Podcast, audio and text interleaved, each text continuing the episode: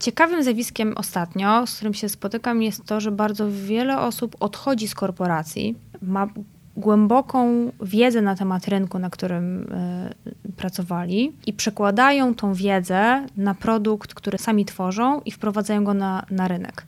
Bardzo często korporacje, mimo tego, że mają świetnych ludzi na swoim pokładzie, nie dostrzegają pewnych luk na rynku.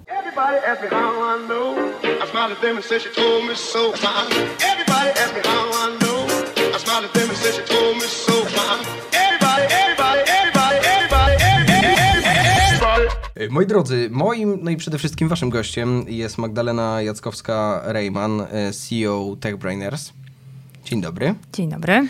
Y, Magda, to tak naprawdę ja zacząłem, ale chciałbym, żebyś y, trochę szerzej powiedziała o tym, czym się zajmujesz, twoje doświadczenie gigantyczne, jak przeglądałem y, branżę i broń Boże nie, śledzą, nie, nie słodząc już na samym początku. Powiedz, czym się zajmowałaś i tak naprawdę, jeżeli chodzi o branżę startupów, z którym segmentem jesteś najbardziej zaprzyjaźniona? Powołałam do życia firmę TechBrainers, która mm, w kilku żołnierskich słowach jest po prostu agencją scoutingową, która dla dużych korporacji wyszukuje ciekawe startupy, dzięki którym korporacje mogłyby stworzyć nowy produkt albo nową usługę, y, czy też wejść na zupełnie nowy rynek, y, rozszerzyć rynek, na którym y, już istnieją.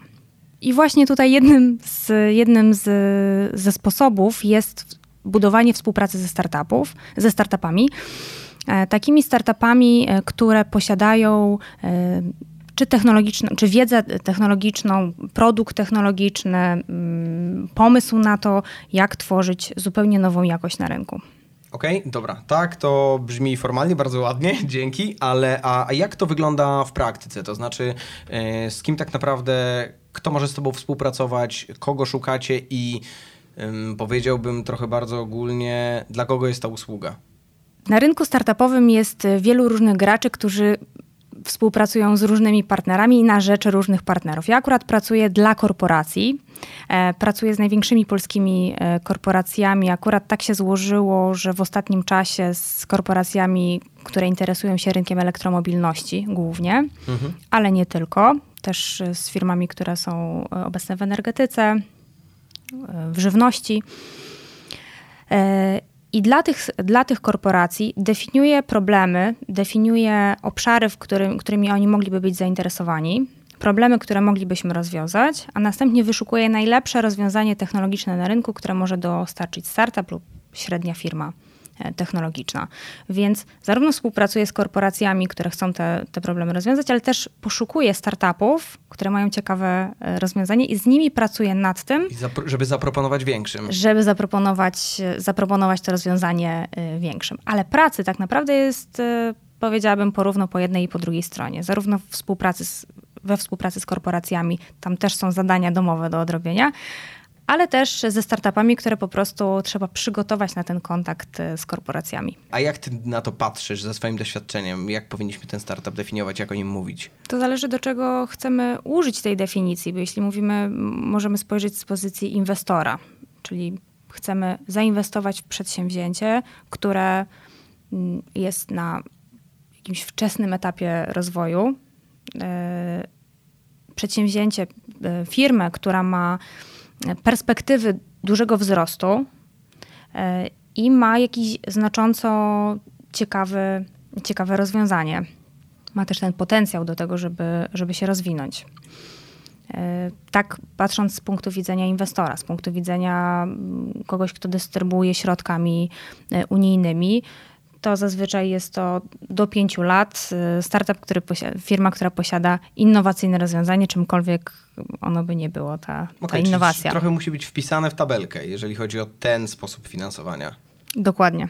Okay. Musi spełnić pewne, pewne kryteria, które dla, każdych, dla każdego mm, ze środków publicznych jest trochę inne. Okej, okay. a czy ten element y, ryzyka jest wpisany w DNA? Zdecydowanie. No, jest to zazwyczaj nowe przedsięwzięcie no, na, na, wcześniejszym lub późniejszym etapie rozwoju, ale faktycznie, faktycznie ryzyko jest wpisane e, w funkcjonowanie młodej firmy. No dobra, to w takim razie to, o czym wspomniałaś, y, na początku definiowania startupów, to w którą stronę, mm, jakby co chcemy osiągnąć. To, to rozmawialiśmy też moment przed nagraniem. Tak naprawdę po co nam jest ten startup, do czego, czy to zawsze jest ten pierwszy pomysł w głowie, czyli mam genialny pomysł, prawdopodobnie to zrewolucjonizuje świat i zarobimy wielkie pieniądze, a jakie są inne ścieżki, jak inaczej możemy y, trochę szerzej postrzegać ten segment biznesu? To myślę, że warto spojrzeć na, na dane. To znaczy, e, kiedy ja myślę o startupie, kiedy ja myślę o moim wymarzonym partnerze, którego chciałabym przedstawić e, korporacji, to myślę o e, ambitnym przedsięwzięciu opartym na prawdziwych technologii, na prawdziwej technologii, przetestowanym, z którym mogę pójść do mojego klienta. Mm, natomiast e, takich pobudek do tego, żeby posiadać startup, być startupowcem, e, jest znacznie więcej na rynku. E, I okazuje się, że niektórym wystarcza po prostu taki styl życia po prostu startupowy, pewnej okay, wolności. Obracanie się w tym... Obracania się w tym, w tym ekosystemie, okay. czas tworzenia nowych produktów, rozwijania nowy, tego swojego pomysłu i to staje się celem samym sobie albo celem samym sobie staje się pozyskanie pieniędzy od inwestora. No i to ciągnie za sobą pewne konsekwencje tej, tego naszego wyboru, dlaczego, dlaczego chcemy budować startup. Więc no, na to pytanie sobie musi odpowiedzieć tutaj każdy słuchacz, dlaczego chciałby taki startup e, budować, czy chce żyć inaczej, czy chce coś tworzyć, czy podoba mu się proces tworzenia, e, czy chodzi po prostu o jakiś rezultat biznesowy, osiągnięcie zysku finansowego. I wtedy ta nasza droga będzie za każdym razem e, nieco inna.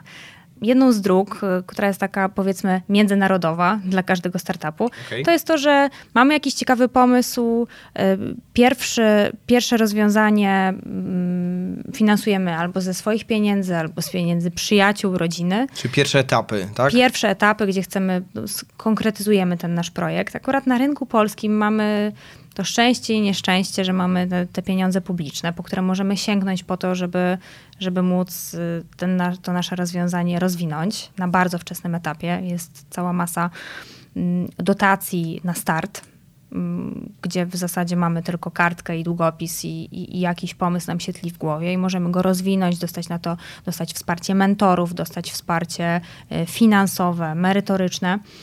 Mm, porozmawiać z całym gronem e, ciekawych ekspertów, którzy mogą ukierunkować nas. Okej. Okay. I to jest jakiś tam e, pierwszy, pierwszy etap.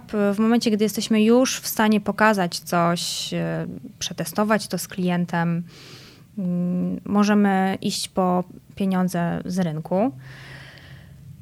Jeśli jesteśmy w stanie pokazać potencjał tego rozwiązania, jesteśmy w stanie pokazać, jak ono ma zarabiać w przyszłości, to jesteśmy w stanie wciągnąć na pokład inwestora, który pójdzie z nami w tą podróż i, i pomoże nam ten nasz produkt e, rozwinąć. No następnie możemy liczyć na kolejne rundy finansowania, może, być może też możemy uzyskać e, po prostu super rezultat już we wcześniejszym e, etapie i finansować swoją, swój dalszy rozwój z przychodów, które będziemy generować. I oczywiście cała, cała masa dotacji, które na różnym etapie po które na różnym etapie rozwoju możemy sięgnąć, które jeszcze na naszym polskim rynku są i po które jeszcze możemy, z których jeszcze możemy skorzystać. No właśnie o to cię miałem zapytać. Jak, jak patrzysz na sytuację, mm, na pieniądze publiczne, o których powiedziałaś? One bardziej są... błogosławieństwem, czy może czasami kulą u nogi przy różnych projektach? Myślę, że są jak nóż. Mogą być bardzo pomocne i mogą być narzędziem zbrodni. Okay. E, że pieniądze publiczne dla kogoś, kto potrafi je wykorzystać, e, rozumie ich przeznaczenie i mm, ma cel odpowiednio postawiony, warto jest po nie sięgnąć e, i budować, budować swój produkt Natomiast one też mają swoje ciemne strony. To jest, to jest kwestia pewnych e, zobowiązań, które się czyni, biorąc e, pieniądze publiczne. To, są, to jest mniejsza sterowność moim, moim pomysłem, e, ponieważ z dużym wyprzedzeniem zobowiązuje się do wykonania czegoś, jeśli w trakcie to się okaże, że ten system nie, ten działa, system nie działa, to nie możemy zmienić. zmienić. No to dużo trudniej jest go dużo trudniej jest go właśnie zmienić. E, poza tym wiąże się to również z pewną papierologią, która się, której nie przeskoczymy i którą musimy wykonać, żeby te pieniądze prawidłowo rozliczyć. Dlatego, dlatego w pewnych przypadkach można powiedzieć, to zależy. Czy jesteśmy okay. w stanie to dobrze wykorzystać, e, czy nie. Czy, czy sięgniemy po właściwą dotację, czy uwiążemy się w coś, co zupełnie nam e, nie pasuje i, i, i tak naprawdę nas odciąga od budowy tego naszego docelowego produktu. E, więc pieniądze publiczne świetnie, jeśli jesteśmy dobrze w stanie je wykorzystać, tym dla nas lepiej. Okej, okay, a z Twojej perspektywy y, dużo łatwiej pozyskać pieniądze publiczne? Okej, okay, jakby wiem, że już w głowie rodzi ci się odpowiedź, to zależy, y, dlatego chciałbym, żebyśmy hmm. po prostu trochę, y, trochę pokrążyli wokół tego tematu. To znaczy, mm, zastanawiam się nad finansowaniem na kolejnych etapach, na kolejnych etapach działalności. Skąd te pieniądze najłatwiej pozyskać? Źródeł, fina- źródeł finansowania jest bardzo wiele. Możemy zacząć właśnie od, możemy zacząć od Family and Friends. Możemy E, możemy też e, przejść przez e, na przykład crowdfunding. I ostatnio bardzo popularny. Ostatnio popularny, gdzie, gdzie po prostu obiecujemy naszym, naszym klientom jakiś produkt i, i, i zbieramy, na niego, zbieramy na niego pieniądze, czy na przykład przez Kickstarter.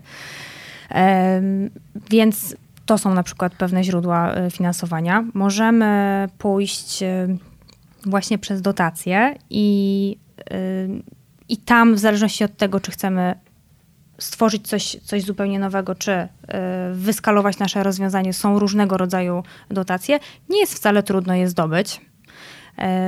W związku z tym to też jest coś, co leży na stole, po co można sięgnąć.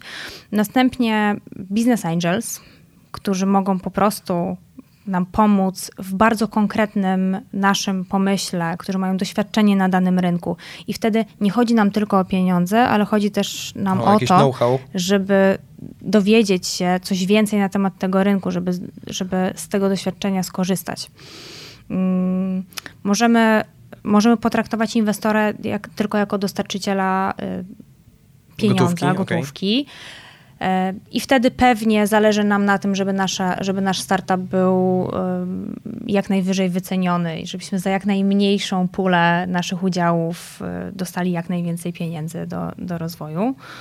Mm, ale możemy też wyszukać taki fundusz, e, który już ma doświadczenie na takim rynku i jest nam w stanie na przykład pomóc wejść na rynek zagraniczny.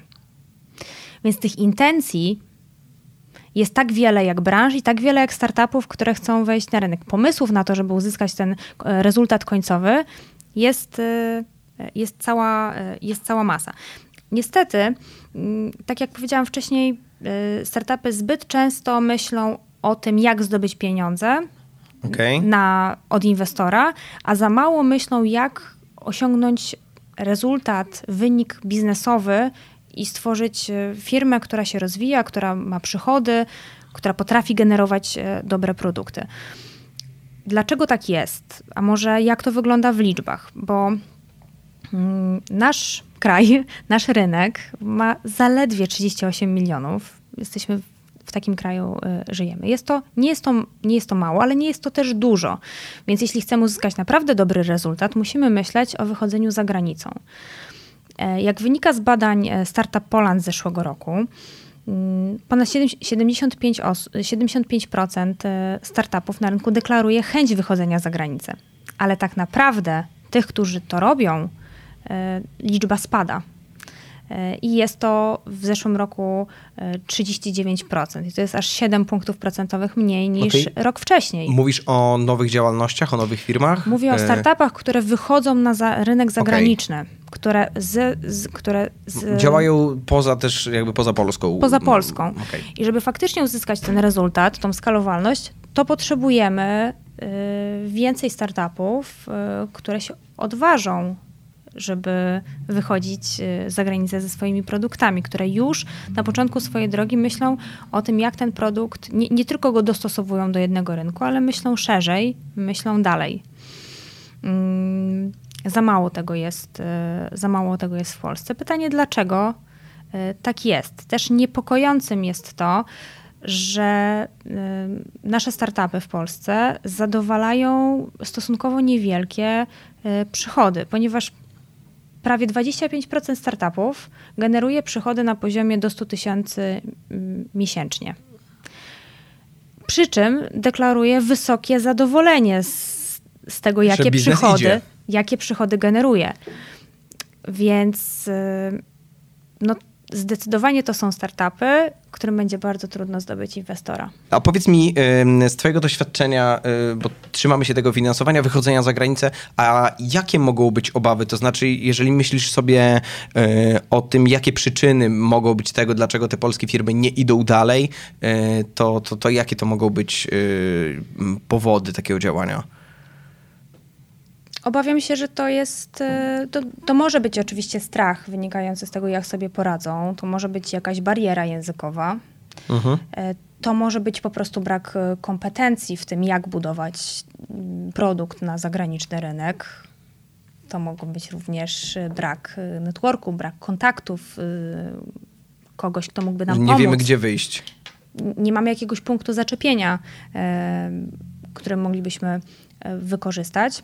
Czasami jest to też e, brak e, finansowania, ponieważ budowanie produktów na rynki zagraniczne jest, jest, jest droższe po prostu e, i wymaga finansowania, które przewiduje koszty lokalne, czyli koszty, z, koszty tego rynku docelowego. Więc to mogą być jedne, jedne z powodów, ale to może być też po prostu samo zadowolenie na zbyt niskim poziomie. To jest właśnie ta intencja budowania startupu. Okay, czy, nam wystarczy, za... czy nam wystarczy etat, y, czy nam wystarczy po prostu ta dobra pensja y, w tym startupie i, i to już jest szczyt naszych, naszych y, ambicji, czy chcemy robić prawdziwy biznes i to jest naszym, i to jest naszym celem. Bardzo pięknie to brzmi. Czy chcemy robić prawdziwy biznes, a ten prawdziwy biznes z twojej perspektywy gdzie się zaczyna? To znaczy, jak dużo tracimy nie, ido, nie idąc dalej? Tracimy, tracimy ogromnie, e, natomiast absolutnie nie mam nic do tych startupów. Życzę im szczęścia i jakby mm, jeśli taka jest ich droga, to świetnie, natomiast ja poszukuję tych ambitnych. Okay. Ja potrzebuję do moich programów, do mojego programu Pilot Maker Electro Scale Up, gdzie mam ponad 20 partnerów korporacyjnych, potrzebuję wyjadaczy, potrzebuje zmotywowane startupy, zmotywowanych ludzi, e, którzy otrzymując informację zwrotną od korporacji, że coś im się nie podoba, e, w ciągu 24 godzin mają trzy inne propozycje, co z tym zrobić. E, więc i wcale nie jest mi łatwo znaleźć takich, takie startupy na polskim rynku. Mhm. Sięgam też po startupy z zagranicy, ale mm, z różnych też, też powodów oni mają problem językowy, żeby wejść na, na polski rynek. Więc ogólnie jest to dosyć, dosyć e, trudne działanie, żeby faktycznie wybrać coś wyjątkowego. Mhm. A możesz opowiedzieć na przykładzie któregoś ze swoich klientów czy firm, z którą współpracowałaś, e, właśnie jakąś taką mm, właśnie dynamiczną ścieżkę e, tego połączenia startup, inwestor, tych, o których mówisz, że naprawdę ci imponują, przychodzą, zmieniamy, działa, inwestor zadowolony, oni zadowoleni. No takich przykładów e, nie jest aż tak bardzo dużo e, na rynku dobre, dobrego połączenia startupu i korporacji, bo to jest to jednak e, znacząco inna droga niż połączenie startupu i inwestora. Mhm. Korporacja jest pewnego rodzaju pozyskaniem kapitału, czy pozyskaniem też często jest połączeniem pozyskania kapitału i pierwszego klienta. Jest to inna droga niż pozyskanie czy dotacji, czy pozyskania e, sensu stricte inwestora finansowego. E, ale jest to jeden ze sposobów budowania swojego produktu i wychodzenia na szerszy rynek, skalowania swojego rozwiązania. Okay. Jestem fanką tego, e, tej ścieżki, dlatego że bardzo szybko spotykamy się z klientem, czy my jako startup, bardzo szybko spotykamy się, spotykamy się z klientem, bardzo szybko dostajemy informację zwrotną o naszym, e, o naszym e, rozwiązaniu. Mm, I też jako startup mamy dostęp do tego, za co nie da się zapłacić. Za co nie da się zapłacić? Za wielką bazę klientów, za 20 czy 30 czy ileś tam lat. Awansujemy automatycznie do wyższej ligi po prostu. Dostajemy informacje z pierwszej ligi. Dostajemy informacje e, o tym, jak wygląda rynek, dostajemy informacje o marżach, dostajemy e, informacje o, o, o dynamice sprzedaży. E, dostajemy bardzo, mnóstwo, bardzo dużo informacji, które możemy wykorzystać po to, żeby zbudować skalę w naszej sprzedaży. I teraz w zależności od tego, jak wykorzystamy te dane i się ułożymy z tą korporacją, tak zbudujemy w oparciu o tą trampolinę, y, o tą trampolinę swoje y, produkty. Teraz po drugiej stronie mamy y, dużą korporację. Ta korporacja też ma swoje cele, bardzo często różne od naszych. O, to czasami ciekawe. No. Mogą być one, czasami, czasami to jest nie do pogodzenia, e, te, mm, te nasze interesy, ponieważ e, korporacja chce sprzedawać tylko w Polsce, a my chcielibyśmy wyjść za granicę. Czasami korporacja chce, chce sprzedawać jako jedyna na rynku dane rozwiązanie, a dla nas to jest ograniczające. Dlatego, że rynek posiada, nie wiem, 5 czy 6 czy 7 innych wielkich firm energetycznych. Dlaczego akurat mamy się z tą jedyną wiązać i ograniczać sobie rynek? Więc y, są przypadki, w których to połączenie ono po prostu nie ma sensu, bo albo jedną stronę ogranicza, albo drugiej mm, nie pozwala na osiągnięcie dużych, y, dużych zysków mm, czy rozwinięcia się. Dlatego, e, e, dlatego to Dlatego to połączenie jest trudne, dlatego że musimy pracować i po jednej, e, mhm. i po drugiej stronie. Natomiast i teraz mamy jeszcze kilka, kilka barier. Jednym z, jedną z barier jest to, że jeśli zarówno korporacja zastanawia się nad tym, w którą stronę pójść z danym produktem, oraz startup jeszcze jest na zbyt wczesnym etapie, to kalibracja jednej i drugiej strony we wspólne przedsięwzięcie po prostu trwa. Co bardzo jedni często, i drudzy się docierają. Jedni i drudzy konkretyzują swoje, swoją potrzebę, swoje wymagania, swoje decyzje. Decyzje się krystalizują i to wymaga po prostu czasu, kompetencji, no i dużo dobrej woli z jednej i z drugiej strony. Czasami się kończy czas, czasami się kończą nerwy, e, a czasami się po prostu kończą pieniądze w startupie, który nie może w nieskończoność prowadzić e, negocjacji. negocjacji. No bo to też pochłania czas i pieniądze. Bo, bo to pochłania czas i pieniądze. Więc, więc takie, takie łączenie w pary ono wymaga specjalnych predyspozycji startupów, więc ta, ta współpraca korpo i startupów nie jest dla każdego startupu dobrym e, rozwiązaniem. Ale e, w naszym programie Pilot Maker, najpierw Pilot Maker, a potem Pilot Maker Electroscale, bo pierwszy Pilot Maker był, nie był branżowy, mm, natomiast w drugim programie Pilot Maker Electroscale, który trwał ostatnie dwa lata, wybieraliśmy startupy z obszaru elektromobilności. Czyli zebraliśmy wielu partnerów korporacyjnych, którzy chcą wejść na rynek elektromobilności i przeczesaliśmy cały rynek polski, żeby znaleźć najlepsze gwiazdy e, sceny elektromobilnościowej wśród startupów. Mhm. E, I faktycznie znaleźliśmy kilka startupów, które od bardzo wczesnego etapu nawiązały bardzo solidne relacje e, z korporacjami. Jedną z takich startupów to jest firma Enelion, która to dopracowała swoją e, ładowarkę e, do aut elektrycznych, dopracowała swój software do obsługi ładowarek i wspólnie z firmą Tauron nie tylko sprzedała do firmy Tauron, ale wspólnie z, firm, z firmą Tauron tworzy nowy produkt i wypuszcza, wypuszczają go razem na rynek. Więc to jest, takie, to jest taki, taka historia, która, która kończy się happy endem, a tak naprawdę zaczyna się happy endem programu, no tak. E, a przechodzi do startu takiego, takiej prawdziwej skali e, sprzedażowej. Mm, to jest jeden ze startupów. Mamy znacznie ich więcej. Z, w ramach programu też testowaliśmy e, rozwiązania, które na przykład firmie Rafako pomagają mm, lokalizować autobusy elektryczne y, w miastach. Mhm. Na czym to polega?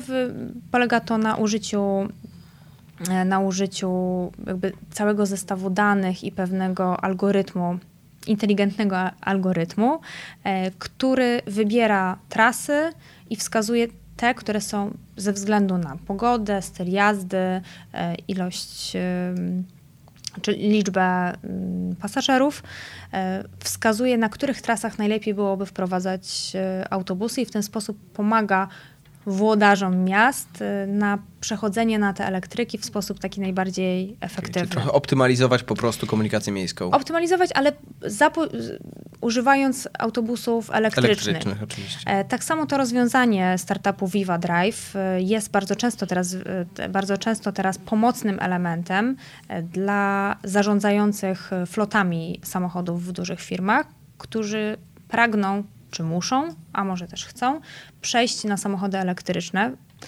e, ale zastanawiają się, w jakim zakresie, ile tych samochodów, na jakich trasach, jakim kierowcom takie, te samochody przypisać. I taki, takie urządzonko, które jest montowane w pierwszych miesiącach e, podejścia do takiego projektu zmiany w, we flocie takiej na, na samochody elektryczne, pozwala wytypować właśnie i kierowców po stylu jazdy, i, yy, i samochody, i moc tych samochodów, i też yy, rodzaj samochodów, które należałoby na którym, w którym miejscu Super wymienić. dużo konkretnych danych. E, tak, bo jednak elektromobilność nie powinna się opierać tylko o wrażenie, tylko o to, że chcielibyśmy być ekologiczni. Wszystko da się przełożyć na liczby i zobaczyć, czy nam się to opłaca, to albo działa, inaczej. No? Przy jakim przy jakich liczbach nam się to opłaca i w jakim zakresie nam się to opłaca. Więc fajnie, jeśli ekologia się opłaca. Wtedy jest znacznie więcej argumentów do tego, żeby ją promować. Okay, czyli sugerujesz po prostu, że dzięki tym narzędziom często jesteśmy w stanie przekalkulować, że tak naprawdę wprowadzenie przykładowo w Warszawie, yy, zamiana całego taboru na elektryczny, yy, może się okazać, że po prostu nie ma sensu. Myślę, że na pewno by się tak okazało, ale okay.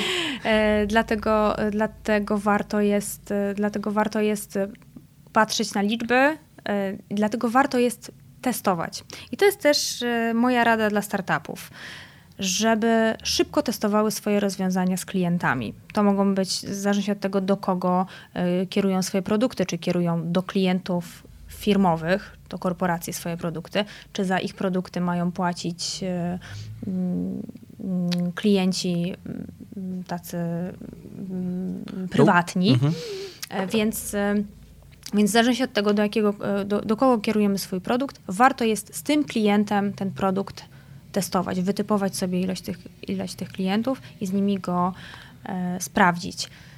Współpraca startupów i korporacji jest pewnego rodzaju testem jest pokazaniem swojego rozwiązania i mm, wybraniem jakiegoś obszaru, który pokaże nam, czy tej korporacji będzie się opłacała współpraca z nami dalej. Dlaczego to jest ważne? Dlatego, że korporacje zwykle nie kupują kota w worku. Nie potrafią też kupować tego kota w worku, to znaczy marzy nam się współpraca z korporacją, ale jeśli z żadną nigdy nie rozmawialiśmy, oni nie ma szans, żeby oni nas wybrali, nie ma szans, żeby wpadli na to, że my posiadamy takie rozwiązanie, a my będziemy brani pod uwagę na równych zasadach jak wszystkie inne firmy, które są duże, mają odpowiednie zabezpieczenia, e, mają ubezpieczenie, mają odpowiednią skalę. Czy sugerujesz, żeby trochę jak najszybciej wychodzić na rynek i się na nim powoli rozpychać? Bo myślę sobie o tym, y, że z jednej strony powiedziałaś, że mm, korporacja raczej się na nas nie zdecyduje, jeżeli nie mamy historii y, takiej działania na rynku. Z drugiej strony myślę sobie, że y, często może w głowie pojawiać się taka myśl, no dobra, ale to jeszcze nie idźmy, jeszcze coś poprawimy. Że albo ta współpraca nie doszła do skutku, no bo poszliśmy za wcześnie. Oczywiście, może być tak, że poszliśmy za wcześnie, poszliśmy za późno. To jest super indywidualny, indywidualny temat. Natomiast ja jestem zwolennikiem jak najszybszego konfrontowania naszych e, produktów, nawet jeśli one nie są skończone, z klientem, właśnie w takich bezpiecznych warunkach, jakim jest test. Ponieważ coraz więcej korporacji y, chce budować, jest potrzeba budowania y, przewag na rynku o technologii i o najnowsze rozwiązania.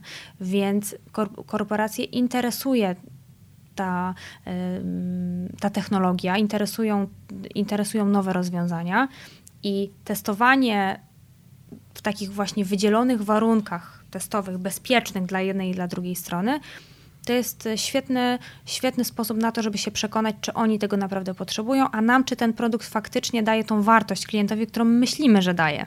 Bo nie, tego nie wiemy. Dobrze, a jak jak przykładowo możemy przetestować ten produkt, bo to, co mi się pojawia w głowie, to mamy, przyczepiliśmy się tej aplikacji, to się jej trzymajmy, wysyłamy ją do znajomych, czy robimy sobie jakąś grupę testową, ale jednak są to ludzie, których w pewien sposób kojarzymy i śmiem twierdzić, że ten feedback nie będzie aby na pewno, y, aby na pewno taki, nie będzie prawdziwy. To znaczy, a nie, nie będzie reprezentatywny. Tak, tak, tak, że, że, y, że nie będzie reprezentatywny. Dziękuję za słowo.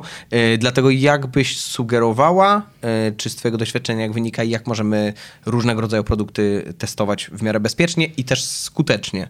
Przede wszystkim ja, ja wcale nie uważam, że wysyłanie do znajomych, y, do znajomych i do jakiejś takiej naj, najwęższej grupy osób zaufanych y, rozwiązania. No musimy mieć pewność, że oni powiedzą nam prawdę. O, tak, tak, tak, absolutnie. I do tych osób musimy, musimy to wysłać, czy powinniśmy to wysłać, do, do, y, którym ufamy. Mm, ponieważ i, i to zawsze jest jakiś filtr, to zawsze nam da jakąś informację zwrotną, zanim wyjdziemy z tym w rynek, ale jest mnóstwo mnóstwo sposobów na, na robienie czy fokusów, czy selekcjonowanie jakiejś nieinwazyjnej grupy, która może nam w sposób rzetelny, dobrze dobranej, czyli też dobranej, e, dobranej do e, do grupy klientów, do których chcemy dotrzeć, dotrzeć z naszą aplikacją. Jeśli budujemy aplikację dla, nie wiem, osób starszych, gdzie mogą, jakiegoś, jakiegoś przewodnika, gdzie mogą kupić jakieś mm, konkretne produkty, a testujemy ją na młodzieży, która ma zupełnie inną percepcję do używania aplikacji, intuicyjność jej, jej używania, no to nie dostaniemy dobrych, dobrej informacji zwrotnej. E, jeśli, mm, jeśli chcemy sprzedawać produkt do dużej korporacji, a nigdy nie ustaliliśmy z nią czy z jakąkolwiek przykładową, w której na przykład pracuje nasz kolega, który może nam powiedzieć, jak wiele etapów musimy przejść, żeby nasz produkt mógł się znaleźć na liście do zakupu przez taką korporację. I przez ile departamentów musimy przejść, z iloma osobami musimy porozmawiać oraz na ile pytań, oświadczeń czy zaświadczeń musimy dostarczyć, żeby w ogóle móc y, wejść do współpracy z taką korporacją, y, to, y, to się bardzo przykre, przyk przykro rozczarujemy w momencie, kiedy będziemy już sądzić, że jesteśmy gotowi na ten proces, okaże się, że wcale nie jesteśmy, bo nie zdawaliśmy sobie sprawy, jak on tak naprawdę wygląda. No dobra, czyli trochę im szybciej skończymy, skończymy Według na to... Mnie im, im szybciej, tym lepiej. Im pod każdym względem? Pod każdym względem. Im szybciej, e, tym lepiej. No oczywiście też bywają wyjątki, w których e, po prostu musimy bardzo chronić swój pomysł, bo on jest łatwy do skopiowania, bo, e, bo nie chcemy, żeby korporacja sama wykonała sobie takie ćwiczenie bez współpracy z nami. Więc no, staramy się dociągnąć tą, ten, ten, ten produkt do jak najwyższego poziomu, w którym już się nie obejdziemy bez testów z klientem. Oczywiście y, korporacje zazwyczaj, jak, y, jak mówią o jakich, o jakich, jakich startupów szukają, to chcą mieć takich, które już mają wszystko super przetestowane, wszystko jest y, świetnie działa, ale wiele, wiele korporacji jednak chce ten być ten krok wcześniej, po pierwsze, żeby mieć też wpływ na to, jak ten produkt finalny będzie wy wyglądał. E, po drugie też, żeby być krok przed swoją konkurencją. Więc A oznacza to też krok taniej? E, czasami tak, czasami tak. A czasami nie, dlatego że, okay. że musimy, e, że jeśli jesteśmy krok wcześniej, to musimy coś dobudować i, i to jest po prostu wtedy większy koszt testu. Okay, czyli pieniądze mniejsze. w inne miejsce trochę idą. Po prostu.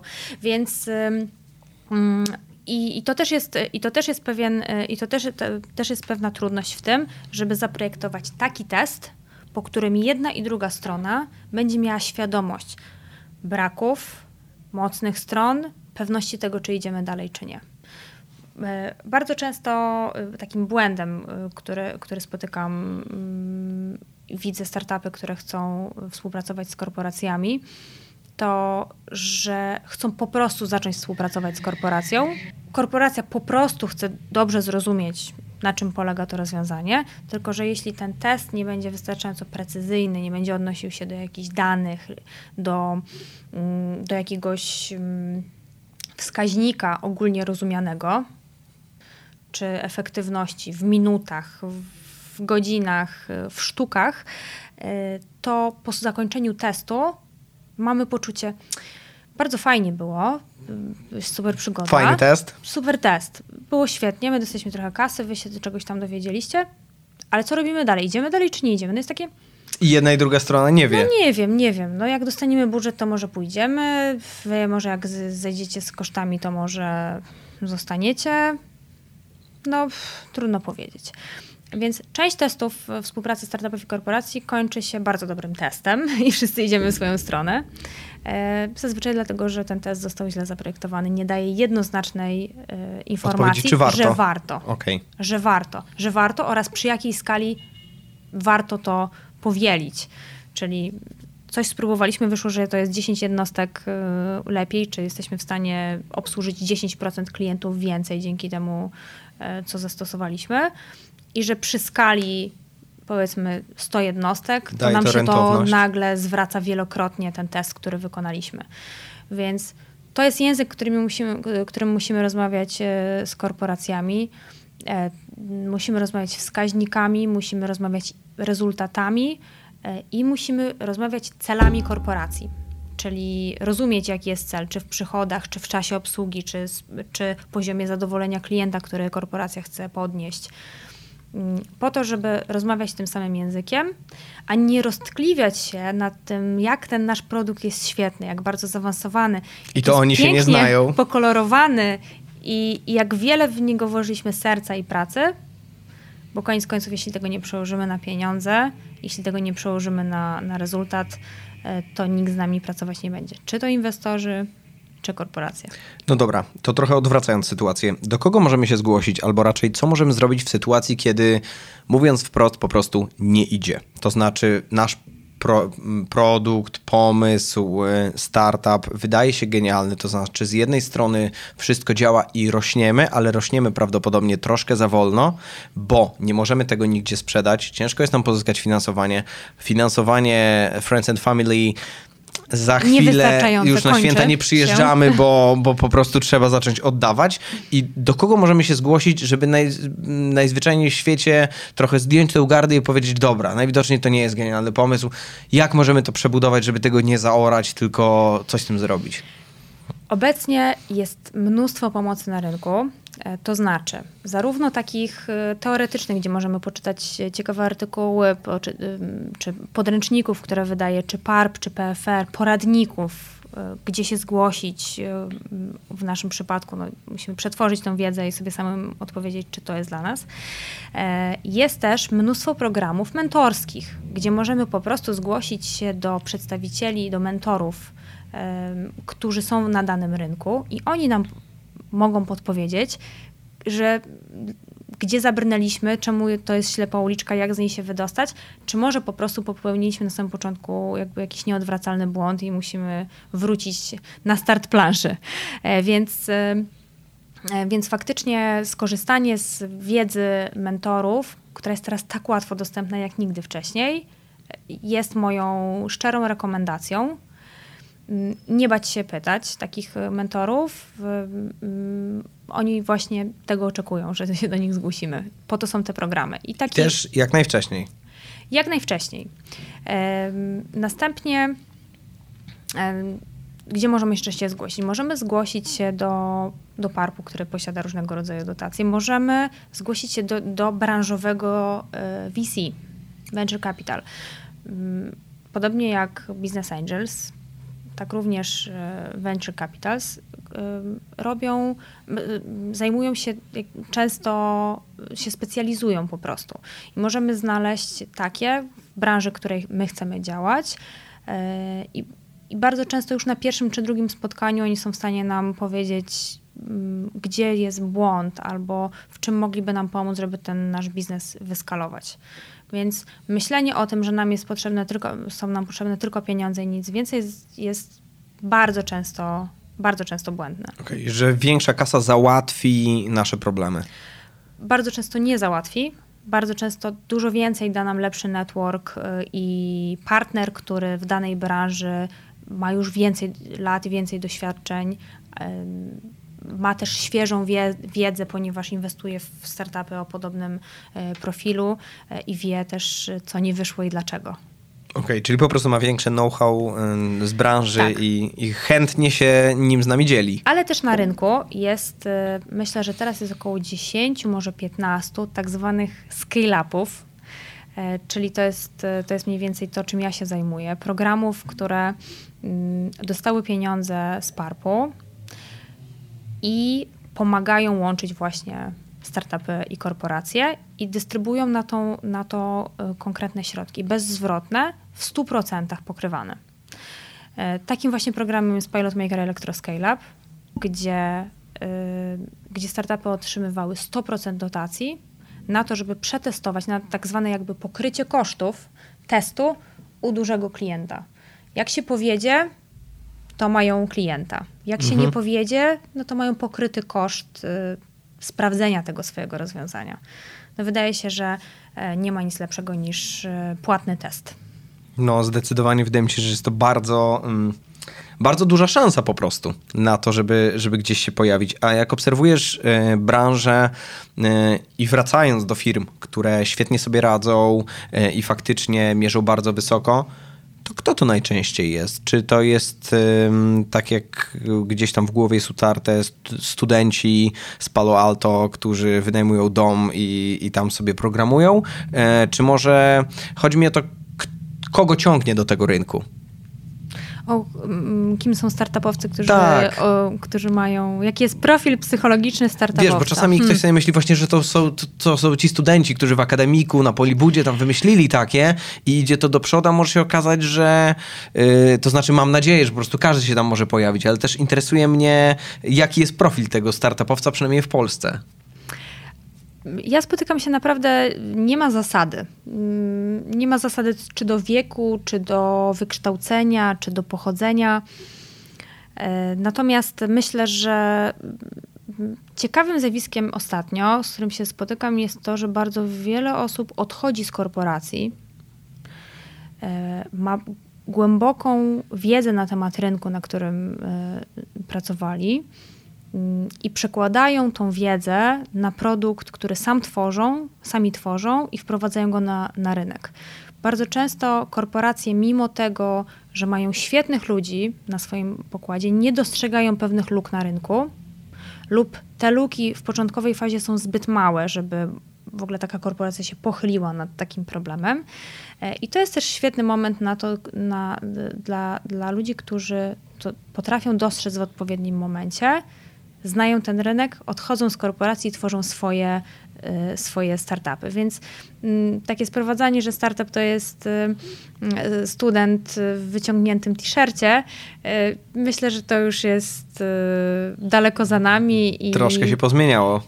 I jest to już, jest to już jakiś taki Y, prehistoria tego, jak to naprawdę, jak to naprawdę wygląda. Y, świetnymi y, startuperkami są kobiety, które tuż po, mm, po wychowaniu dzieci wracają na rynek i po prostu szukają, czy, czy w trakcie swojej przygody z macierzyństwem mm, spotykają się z różnymi problemami i je w trakcie rozwiązują, budują na tym produkty i wypuszczają je na rynek. Y, mnóstwo, y, mnóstwo osób, które wchodzi w rynek zdrowia y, i telemedycyny również, pochodzących po prostu z, z firm informatycznych, którzy zrozumieli problem telemedycyny i potrafią nową jakość zaproponować. Co ciekawe też, te, te branże się teraz bardzo miksują. Że Więc ciężko jest zdefiniować, z jakiej branży jest, jest, dana firma? Ciężko jest zdefiniować branżę, dlatego że okazuje się, że rozwiązanie jest oparte o, o jakąś technologię e, IT, a tak naprawdę potrzebna jest wiedza, dogłębna wiedza właśnie, czy, czy z medycyny, czy, czy jakaś technologiczna z aspektu jakichś materiałów budowlanych. I okazuje się, że, że budowlanka i IT świetnie ze sobą współgra, że na przykład y, y, panele fotowoltaiczne, y, które mają swoje jakieś parametry, okazuje się, że tak naprawdę duż, wygrywają ci, którzy potrafią szybciej i trafniej dostarczyć je do klienta w procedurze prostszej, bez jakiejś wizyty technologa na dachu. Okay. Tylko, tylko poprzez algorytm, który tam jakoś po kilku parametrach mówi, ile tego na tym dachu się tam zmieści i automatyzuje to proces. Czy usprawnia po prostu. Tak, więc, mm, więc szukanie tych luk pomiędzy branżami też jest bardzo ciekawym, e, ciekawym pomysłem. E, I, i, i ci, którzy potrafią dostrzegać te, te, mm, ten styk oraz tą przewagę, którą trzeba uzyskać, często właśnie otwierają takie, takie swoje własne małe startupy i rozbudowują je do, do, znacznie, większej, do znacznie większej skali, e, mimo że nigdy wcześniej nie myśleli o tym, że będą startupowcami. Okej, okay. wspomniałaś y, o telemedycynie, wspomniałaś o panelach fotowoltaicznych, wcześniej pojawił się jeszcze wątek elektro szeroko pojętego. Powiedz, czy są jeszcze segmenty, które z Twoich obserwacji teraz wyjątkowo intensywnie rosną? Widać, jak, jak, rośnie, jak rośnie rynek y, e-commerce też przez COVID, który się e, wydarzył, też e, cały rynek związany z, ze zdrowiem, e, z bezpieczeństwem zdecydowanie, zdecydowanie rośnie, ale też rynek ekologii, który pokazał, co jest bardzo, bardzo ciekawym zjawiskiem, niespotykanym generalnie na rynku, pokazał ogromną wartość, jaką jest klimat dla, dla nas na co dzień. To znaczy, mieliśmy tą szansę zobaczyć, jak nasz, nasze miasto y, może wyglądać bez smogu, jak może wyglądać w ciszy. Okej. Okay. I wielu z nas się to bardzo spodobało. Y, I to spowodowało, że zaczęliśmy wierzyć w to, że ekologia może podnieść nam jakość życia. Więc dostrzegliśmy wartość, którą normalnie marketingowcy musieliby nam w, opakować, z każdej strony. Y, stworzyć wizję, wepchnąć nam y, y, tą, tą wizję tej ekologii, której nie bylibyśmy w stanie dotknąć i poczuć. A przez to, co się wydarzyło właśnie w związku z COVID-em, sami na własnej skórze, dosłownie przenośni, mogliśmy poczuć, jak może to wpłynąć na jakość naszego życia i zaczęliśmy tego bardziej pragnąć jako pewnej wartości, za którą jesteśmy w stanie zapłacić. E, I dlatego ten rynek ekologii, e, ekologiczny e, zaczął się jakby takie swoje nowe odrodzenie tuż przed wakacjami pokazał. A, czyli nawet mówisz w bardzo krótkim okresie, ostatnich kilku miesięcy. Tak. Jasne. A bo rynek ekologiczny, rynek bio przez ostatnie lata przynajmniej mi kojarzył się z, z tą naklejką, która automatycznie podnosi cenę o 20 parę procent produktu. E, a mm, jakiego rodzaju są to rozwiązania? To znaczy, czy bardziej myśląc właśnie o tym rynku bioekologicznym, powinniśmy myśleć o produktach, które znajdujemy w sklepie biospożywczym, e, czy raczej jest to różnego rodzaju, nie mam pojęcia, przetwórstwo, e, może rozwiązania, które usprawniają nasze codzienne funkcjonowanie, aplikacje? Absolutnie. Pojawiają się to zupełnie wcześniej wcześniej nie, niepomyślane nawet y, produkty. Y, chociażby mm, dużo większa wrażliwość na to, y, czy prąd, który używamy, jest prądem uzyskany. Czy to jest dobry prąd? Czy to jest zielony prąd? Okay, zielony czy to jest zielony prąd? Czy my faktycznie świecimy teraz żarówką z, ze spalonego węgla, czy, czy to się gdzieś tam na jakimś dachu czy, jak, czy jakiś wiatr zawiał i, i nam dostarczył, dostarczył ten prąd. Zaczynamy o tym myśleć. Ważniejsze, co nawet jest dla tego rynku, chcemy za to zapłacić. E, I nadal oczywiście jest to produkt premium, e, ale coraz więcej osób o tym myśli. Dlatego też bardzo ciekawym zjawiskiem było to, że, że większość samochodów, na, jakby sprzedaż samochodów drastycznie spadła podczas COVID-a ale nie samochodów elektrycznych. Ona się utrzymała. Pytanie, jak będzie dalej? Oczywiście sceptycy mówią, na samochody elektryczne czeka się dłużej, trzeba było zapłacić zaliczkę, ludzie by potracili te zaliczki, gdyby je wycofali. Więc, Więc dlatego zostali, zostali przy, okay. już przy tym. Ale nie do końca jest to prawda, dlatego że jest też ogromny trend y, montowania paneli fotowoltaicznych na dachach. Pewnego też, co ciekawe, samowystarczalności. W COVID-zie e, wiele łańcuchów dostaw e, zostało przerwanych, więc to bezpieczeństwo dostaw zostało zachwiane. Więc e, nie tylko wśród firm ta, ta samowystarczalność nabrała znaczenia, ale też u konsumentów zwykłych pojawiła się pewna lampka, hmm, no jakby tą marchewkę mieć u siebie w ogródku, jakby ten prąd wyprodukować na dachu, jakby właśnie nie być tak strasznie uzależnionym od, od tego świata. E, I te, te produkty, które pozwalają nam być bardziej samowystarczalnym, między innymi na przykład właśnie, e, właśnie takie panele, bardzo zyskały. No już nie, mów, nie mówimy o tym, że, że są na to e, dotacje, które też pomagają podjąć tą decyzję, żeby, żeby zamontować sobie panele, ale też wszystkie rozwiązania informatyczne, które pozwalają tak naprawdę śledzić, czy prąd, który posiadamy w domu, nawet jeśli nie mamy tego, tego paneli? Panel, tego, tych paneli, e, pozwalają nam śledzić, czy faktycznie korzystamy z prądu e, zielonego. Więc różne rozwiązania oparte na, na, na blockchainie, które nam dostarczają taką informację, w ostatnim czasie powstały. E, I, no i ciekawe, jak będą się roz, rozwijać, e, rozwijać dalej. Ale śmiem, śmiem twierdzić, że e, ekologia będzie jednym z takich mocnych koni w tym wyścigu,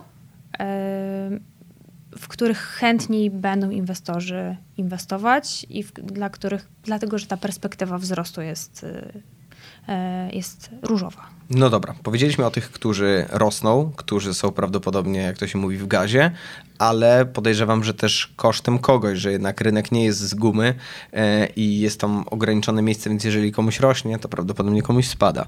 E, jest tak, e, są segmenty, które faktycznie zauważasz, że mają teraz dużo trudniej. No pewnie nie będzie to odkrywcze, kiedy powiem, że turystyka, gastronomia, e, wszystkie te, mm, wszystkie te najem nieruchomości, mm, wszystkie te rozwiązania, które wiązały się z, z, fizyczną obecnością, y, usługi szeroko rozumiane, bardzo dostały okay. w kość. Y, natomiast też jeśli chodzi o, o COVID, to musimy pamiętać, że też inwestorzy wstrzymali oddech, że, że fundusze VC Mm, ograniczyły swoje inwestycje w tym czasie, że stwierdziły, aha, no to teraz może bierzemy głęboki wdech, przyjrzyjmy się, co mamy w naszym portfolio już zainwestowanych startupów, przestańmy inwestować, zajmijmy się naszym portfolio, pomóżmy im się wykaraskać z tej sytuacji, w której się wszyscy znaleźli. E, I dopiero zacznijmy się rozglądać na rynku. Co to spowodowało? Spadek wycen wiele startupów y, po prostu, które były w dyskusjach y, o, o inwestycji, które ba, nawet miały podpisane term sheety. Mm. Term sheet, czyli? Czyli porozumienie o, o inwestycji, okay. wypracowane pewne ramowe warunki inwestycji. Czyli taką umowę, taki draft umowy. Przedwstępną okay. umowę powiedzmy. E, to nie, nie były w stanie ich zrealizować, dlatego że rynek tak się zatrząsł, że przestały obowiązywać te dane, te umowy i, i te wskaźniki, okay. które były zapisane. W związku z tym, y, w związku z tym to, to, jest jeden aspekt. Z drugiej strony na rynku cały czas są fundusze, które są finansowane z środków publicznych i one mają swoją dynamikę inwestycji zapisaną w swoich umowach, więc muszą wydawać te środki. Yy, więc ch chcąc, nie chcąc, musiały Yy, musiały inwestować, albo mogły po, powiedzmy wstrzymać się na chwilę, ale jednak będą musiały za chwilę nadgonić. Mm, ale też jest e, informacja z rynku e, o wielu korporacjach, które ograniczają swoje CVC, czyli Corporate Venture Capitals, ze względu na sytuację, ze względu na oszczędności, ze względu na zaciskanie pasa. No i startupy przestały być tą taką priorytetową, tym, tym, tym niezbędnikiem w, w tym czasie. Więc jest, jest e, wiele elementów, które, które mówią, musimy być jeszcze lepsi. Musimy nasze produkty jeszcze szybciej, jeszcze szybciej tworzyć, jeszcze być bardziej skoncentrowanym na przychodach, dlatego że skłonność, e, e, skłonność funduszy do wysokich wycen, które były przed, przed COVID-em, jest teraz dużo mniejsza.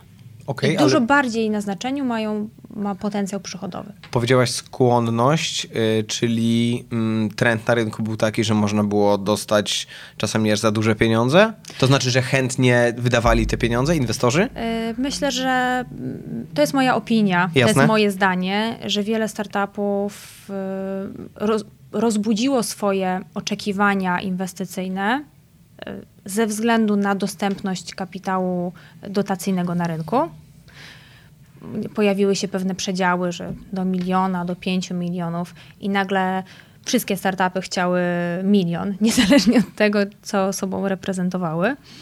Więc, y, więc trochę mierzy, tak jak mówisz, mierzyły wysoko. Więc, mierzyły wysoko. trochę dobrze. Czasami nie było to jakby powiązane z, faktyczną, z faktycznym z faktyczną wartością, którą są w stanie inwestorowi dostarczyć. Więc ja akurat uważam, że dobrze się stało, że te wyceny się urealniły. Mhm. Ktoś z boku powie, ach, przecież rynki zagraniczne mają dużo większe wyceny, co też tutaj pani opowiada. E, jak kto to widział, żeby wchodzić tam na 200 tysięcy za takie, grosze. za takie grosze do startupu. I pewnie miałby rację, gdyby nie to, że test czy doprowadzenie startupu do pewnego poziomu na rynku brytyjskim czy na innym rynku europejskim jest znacznie droższe. Po prostu koszty lokalne są wyższe, więc inwestycja w związku z tym też jest e, większa, bo za po prostu ceny e, są niewspółmierne do, do tego, co się dzieje w Polsce. Więc, mm, więc faktycznie i doprowadzenie do pierwszego testu E, do takiego proof of concept e, za granicą jest dużo wyższe, więc no automatycznie inwestycja jest wyższa. W naszym, e, w Polsce, w naszym kraju jest, jest dużo łatwiej, dużo większa dostępność do zrobienia, do zrobienia tych testów za mniej to po prostu kosztuje. E, dlatego, e, dlatego te wyceny, one po prostu są współmierne wtedy do, e, do tego rezultatu końcowego, który jest nam, jesteśmy w stanie zrealizować, sprzedając to rozwiązanie dalej uzyskując te przychody. Okej. Okay. A jaka jest z Twojej perspektywy, czy jaka powinna być dynamika naszego działania? To znaczy, rozmawiamy o wycenach, o tych momentach, kiedy nasza firma pozyskuje dodatkowy kapitał. Z Twojej perspektywy to jest pierwszy rok, drugi rok, czwarty rok naszej działalności. Jasne, zależy, dlatego pytam o Twoje doświadczenie. Oczywiście. Zależy to od wielu, y, od wielu y, czynników, przede wszystkim od tego, jak kapitałochłonne jest nasze rozwiązanie. Zupełnie inaczej będziemy, będziemy finansować aplikację, którą być może jesteśmy w stanie szybko sprototypować, dostać na nią tam 20-30 tysięcy, żeby ją rozrysować, pokazać, jak ona będzie, jak będzie działać, e, albo pozyskać kilkaset tysięcy na to, żeby zrobić pierwszą taką brudną wersję. A zupełnie co innego, jeśli będziemy pchać się w, w medycynę, w, będziemy mówić o, mm, o jakichś lekach, o suplementach, też zupełnie inaczej, jeśli chodzi o suplementy. W zależności, w zależności, od tego, na rynku, czy jesteśmy na rynku regulowanym, gdzie musimy mieć różnego rodzaju certyfikaty, które trwają i które wymagają, mają swoje wymagania techniczne, czy jesteśmy na rynku, na którym tych certyfikatów nie potrzeba i liczy się wrażenie, zachwyt klienta i szybkość dotarcia do niego. Okay. Więc, y, więc w zależności od tego, jak kapitałochłonne jest nasze rozwiązanie, wtedy kierujemy się, wtedy potrzebujemy w czasie je uzyskać, potrzebujemy y, i potrzebujemy kolejnych rund finansowania, żeby je y, wyskalować.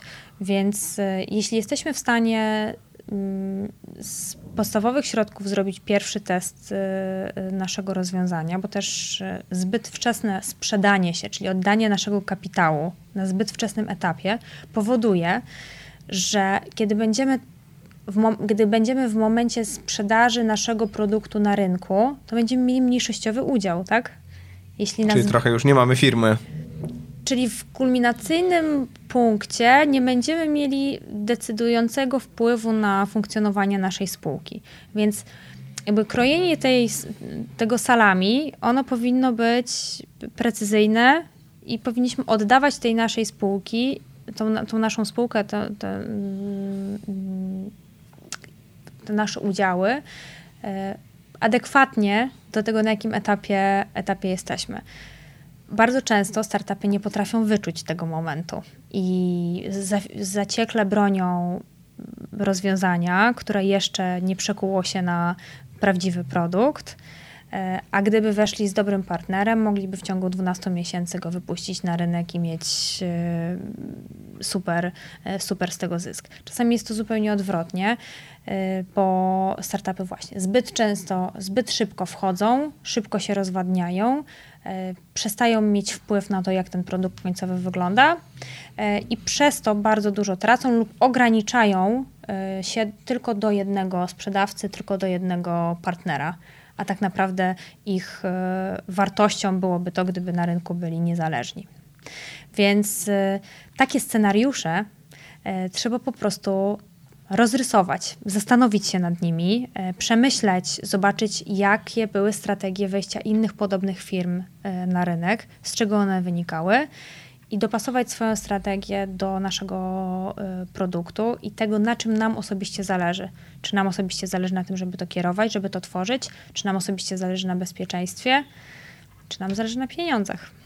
Okej, okay. a jeżeli ktoś się dopiero przygląda branży, to znaczy staram się dowiedzieć jak najwięcej dla jak najszerszej y, grupy, to skąd może czerpać wiedzę? To znaczy, Załóżmy, że mamy pomysł, który chodzi nam po głowie, zastanawiamy się, tak trochę wąchamy, oglądamy. Skąd możemy czerpać wiedzę, to taką podstawową, podstawową nie tyle o prowadzeniu firmy, tylko właśnie o, o, o branży, czy nowych technologii, czy startupów, jak tam się pojawić? E, polecam e, szereg spotkań, które się odbywa w branży startupowej właśnie, czy w, dla startupów e, i dla poszczególnych branż.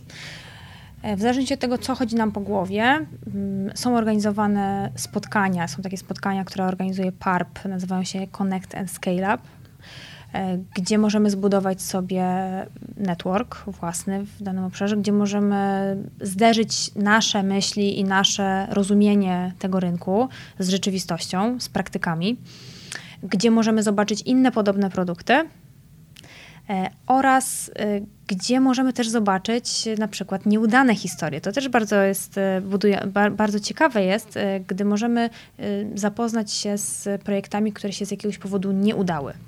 Okej, okay, czyli po prostu sprawdzić, komu nie wyszło i tak. tam szukać ewentualnych, co nie wyszło, dlaczego i przenieść na swój przykład, Dokładnie. tak? Dokładnie. Znakomite. To płynąc do brzegu, jeszcze chciałbym cię zapytać o firmę, bo pojawiło się kilka, ale, ale podejrzewam, że masz w tym momencie albo w bliższej lub dalszej przyszłości.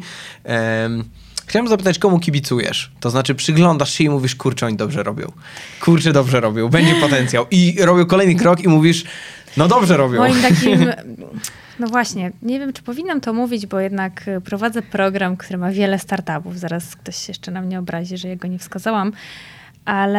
Mm, ale Możemy też bardzo, kilka przykładów, jeżeli... Ale kibicuję, kibicuję mm, takiemu projektowi, który moim zdaniem jest naprawdę świetny, e, gdzie zespół jest niezwykle ambitny oraz e, miałam okazję przez kilka miesięcy obserwować progres, który ten startup wykonuje. To jest startup, który nazywa się Viva Drive, prowadzony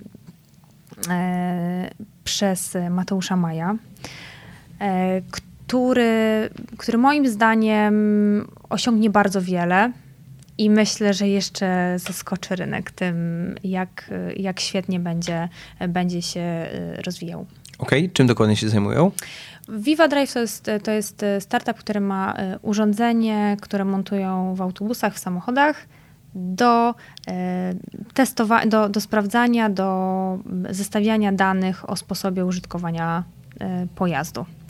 Myślę, że to rozwiązanie i ta wiedza, którą, którą posiadają, są w stanie przełożyć na wiele produktów, pracują teraz nad kilkoma, e, ale mają, e, mają pomysły, jak rozszerzyć jeszcze swoją działalność i kibicuję im e, dlatego, że to jest po prostu świetny zespół, niesamowicie zdeterminowany i to jest przyjemność pracować z takimi startupami i robić takie programy jak Pilot Maker dla kogoś, kto potrafi je wykorzystać. Super. Bardzo cieszę się, że kończymy takim e, pozytywnym wątkiem i e, dla tych, którzy słuchają e, ten błysk wokół Magdy, kiedy mówiła o projekcie, który faktycznie rośnie, to, to, to, co, to co to wspomniałeś, trochę cytując cię sprzed kilku sekund, cieszę się, że robi program dla ludzi, którzy go wykorzystują i no i ta radocha moim zdaniem jest najważniejsza. Trzymam kciuki za Mateusza, jak i oczywiście za całe mnóstwo innych projektów. E, Magda, dziękuję ci serdecznie. Bardzo dziękuję. No i do zobaczenia przy kolejnej okazji. Do zobaczenia. I smiled at them and said she told me so.